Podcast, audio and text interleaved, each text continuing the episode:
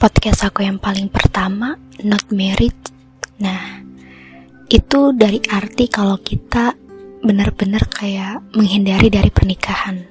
Tapi, dengerin deh, auto pingin nikah. Bukan berarti aku terbius dengan film, tapi dengan pengalaman orang yang awalnya takut ketika udah nyoba. It's really good thing. Untuk spoiler kali ini, Sebenarnya nggak perlu ditakutin banget. Kita memang ketakutan yang luar biasa ketika kita ngelihat langsung secara langsung apa yang hal itu yang buat kita tuh takut kalau kita bakal tinggal bareng sama orang yang justru belum kita kenal, bahkan baru kita kenal, tapi kita takut banget untuk mengetahui sikap busuknya kayak gimana pas saat menjadi rumah tangga. Nah, gitu deh. Halo, ketemu lagi di podcast Curhat barangkali. Eh, bareng enggak, sorry banget ya. Karena ada beberapa sedikit problem. Maybe big problem, it's my Ya, yeah, it's my problem. Tapi it's okay, aku bisa mengatasi semua alhamdulillah. Dan kali ini pengen ngomongin soal topiknya tuh Pokoknya don't worry about wedding. Pokoknya gitu dah Gak usah terlalu khawatir soal pernikahan. Gak usah takut soal pernikahan. Ketika kamu ngedengerin podcast ini Aduh kebanyakan bacot deh ndak Eh sorry sorry. Ya udah untuk ngomongin kabar kira-kira gimana nih kabarnya? Aku harap kamu di sana baik-baik aja. Yang ngedengerin suara ini yang suka suara ini yang kayak ngerasa suara aku ini jadi penyemangat hidupnya aku ngerasa bersyukur banget karena seberguna itu walaupun emang aku nggak tahu orang itu siapa. Oke okay, kembali ke topik yang tadi aku udah spoilerin. Sebenarnya aku lagi ngefilter podcast-podcast dari bawah supaya aku memperjelas lagi kayak masih kegantung aja. Nah kali ini pingin aku clearin yang pertama yaitu soal udah aku tulis juga apa yang harus aku jelasin ke kalian. Ke kamu uh, ke kamu uh, tepatnya jangan takut nikah. Kenapa?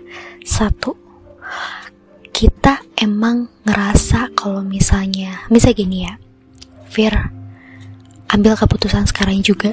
Bingung gak sih? Aduh Masa di umur gue yang sekarang masih 19 tahun disuruh nikah. Aduh masa muda gue tuh hilang deh.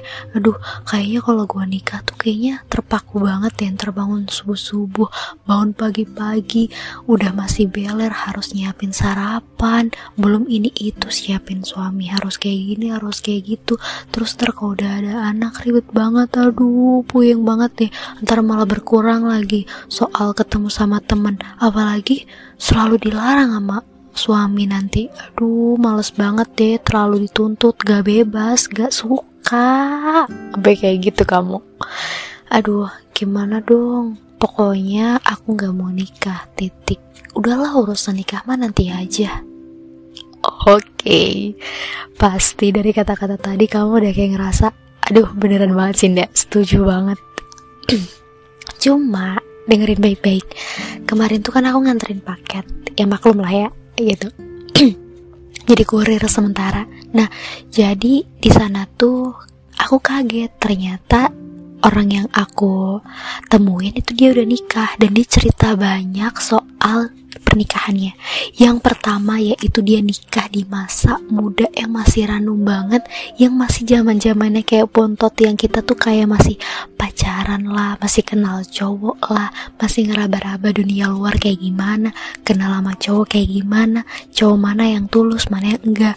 Tapi di satu titik dia tuh ngerasa kalau ketemu sama cowok ini yang berpaut tuh jauh ya umurnya misalnya katakan dia umur 20 tapi orang yang dia temui adalah umur 30 tahun. It's long long apa ya? Terlalu jauh banget ya sih umurnya. Gila kan ya long age maybe. Jadi tuh 10 tahun jaraknya. Dan kamu tahu gak sih dia tuh cerita kayak gini. Pokoknya ya Fir kalau misalnya kita ngerasa yakin yakin dia yakin gitu. Kalau dia jodoh kita dari hati kita tuh udah kayak ngerasa ngeklik gitu loh klik gitu. Beda halnya kalau kita ketemu sama orang nggak kayak gini.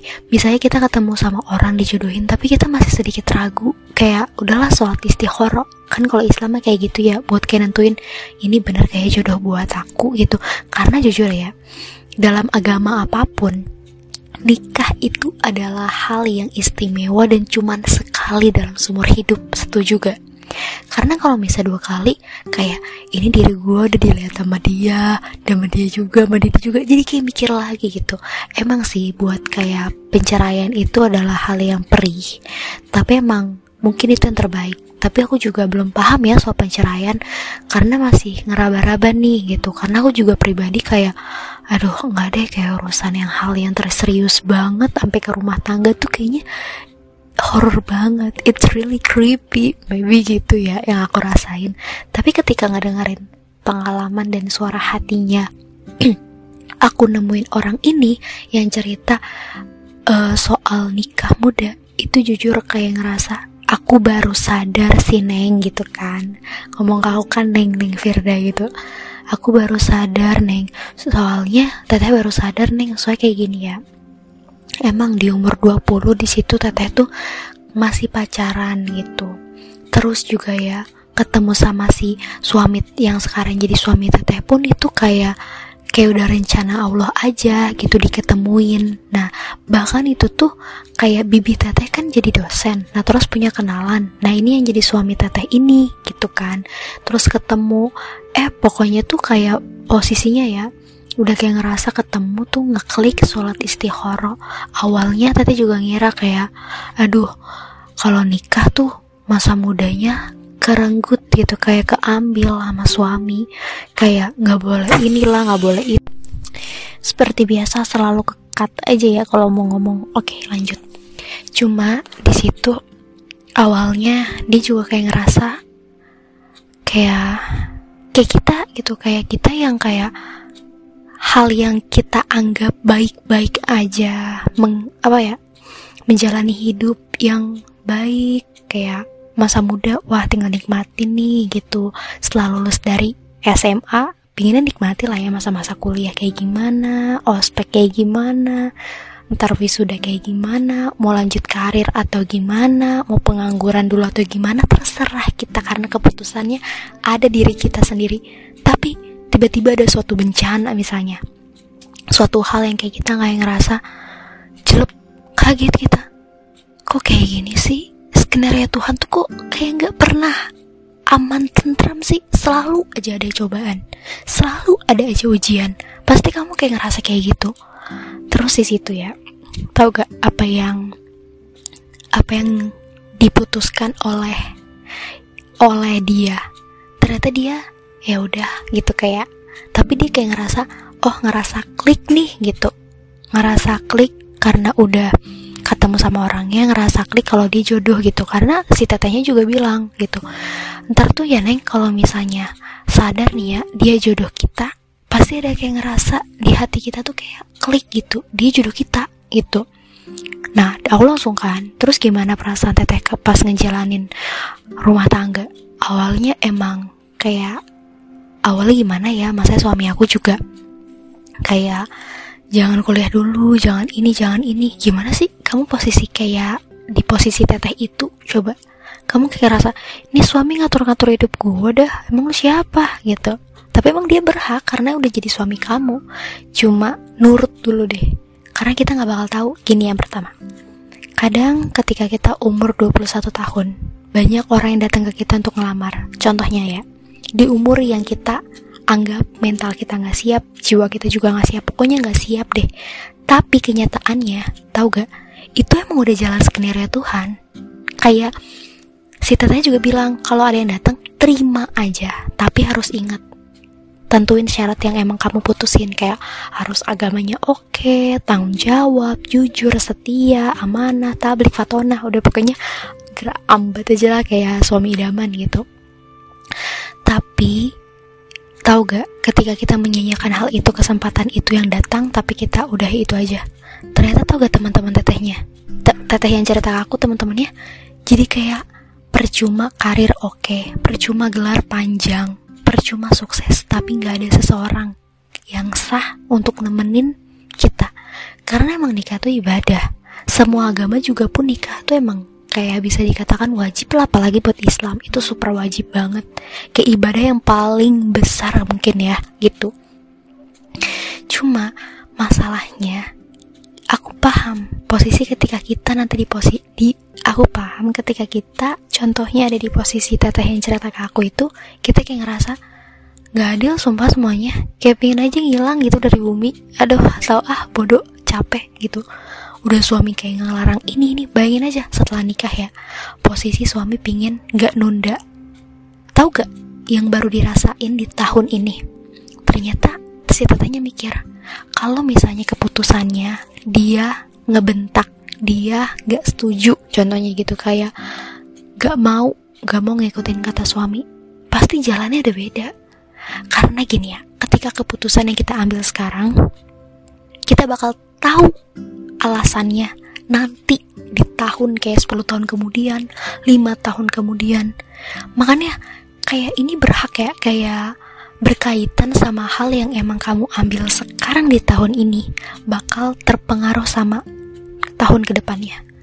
Beneran dah, kita emang gak sadar, mungkin gak bakal ada apa yang gak ada, gak ngepek lah. Tapi sadar gak sadar, entar pasti ngepek. Beneran dah, kayak contohnya ya. Kenapa aku bilang jangan takut nikah? Satu, enaknya nikah ada seseorang di samping walaupun kita nggak nerima walaupun kita nggak cinta tapi semua rasa yang emang bakal yang belum ada pasti bakal tumbuh karena kita satu rumah, karena dia memahami sikap kita, karena sikap kita begini, dia ikutin aja. Ketika dia coba untuk nyuruh ini tapi kita nggak berontak, dia pahamin.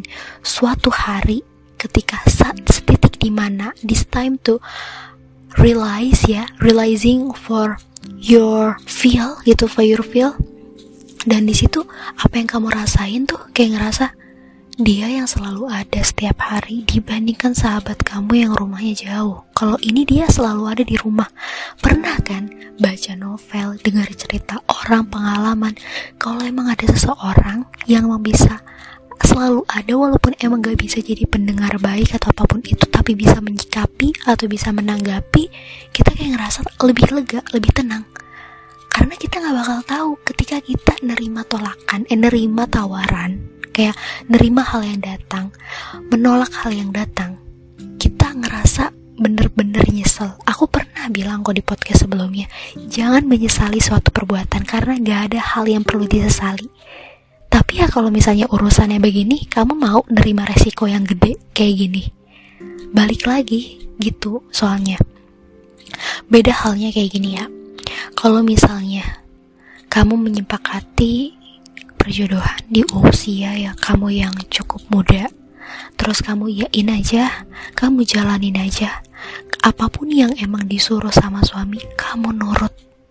Suami kamu pasti bakal kayak ngerasa penasaran apa yang kamu mau penasaran kok kamu gak mau ini gitu walaupun kita menganggap suatu hal yang kayak suatu pernikahan tuh kayak serius banget tapi bisa kok dicairin. Es aja tuh bisa dicairin beda landa tapi bisa jujur. Karena posisi teteh ini tuh kan aku bilang kan teh gimana? Pas waktu suami bilang gak mau nunda. Ya udah aku mau ikutin aja kata suami. Kan emang emang dia agamanya kuat jadi kayak nurut aja sama suami. Ketika dia nurut udah tuh lahirlah anak pertama. Awalnya dia kaget men kaget bro. Kaget friends. Tau gak? Ini anak gua apa ya? Kaget beneran di usia muda punya anak. Kaget gak? Ya kaget lah. Posisi semua pada kuliah posisi semua pada ospek atau pada pada main-main di luar menikmati masa mudanya dia ngeliat ini anak aku ya. Gimana cara ngurusnya? Tapi karena emang ada seseorang ada orang yang tanggung jawab yang selalu ada di samping kita setiap hari bangun tidur ada tidur lagi ada. Bakal dibantu. Beneran ya jujur. Makanya ketika ada perjodohan harus tahu dulu agamanya. Harus tahu dulu tanggung jawab atau enggak. Lah kalau kaget tanggung jawab up deh aku mah. Karena gitu soalnya ini kan hidup berdua bukan lagi sama orang tua. Apalagi orang yang bakal dijodohin sama kamu tuh bener-bener kayak mapan. Beh enak bos. Kayak sugar daddy jadinya. Aduh. Nah di situ pokoknya kata tetenya bilang kalau misalnya kan aku bilang teh pesan buat aku apa teh? Gitu. Jangan pernah takut. Nggak se nggak seserem itu kok jujur. Ketika kita sadar kita kaget itu anak kita. Malah ya justru rumah tangga tuh yang menghiasi yang mewarnai adalah anak gitu. Karena ketika ada malah dia juga bilang aku ngerasa sedih ngerasa sedih gimana ya? Oh anak aku udah pada gede ya terus juga aku pernah mikir posisi aku lagi ngurus anak teman-teman aku sibuk sama dunianya sibuk sama masa mudanya sedang aku fokus ngurus anak. Tapi aku sadar sekarang baru kerasa kata tetenya gitu. Karena posisi mereka lagi nyari jodoh aku udah tinggal nikmatin aja. Karena hal yang perih di awal itu bakal manis di akhir. Berbeda hal yang awalnya manis pasti pahitnya di akhir. Tinggal gampangnya gitu aja. Jadi yang sekarang kamu berpikir soal pernikahan itu pahit serem, creepy, aduh buka lembaran baru, iya mau buka lembaran baru, tapi kali ini ada satu orang yang nambah, yaitu kekasih atau gak yaitu uh, apa ya namanya, ya orang yang bakal ada selalu di samping kamu yang udah sah, jadi lebih enak untuk me, apa ya, untuk menghadapi hidup yang penuh penuh teka-teki ini. Gitu aja sih pesan dari aku. Kalau emang masih ada yang tanggapan ah gak deh enggak takut. Pikir-pikir lagi deh.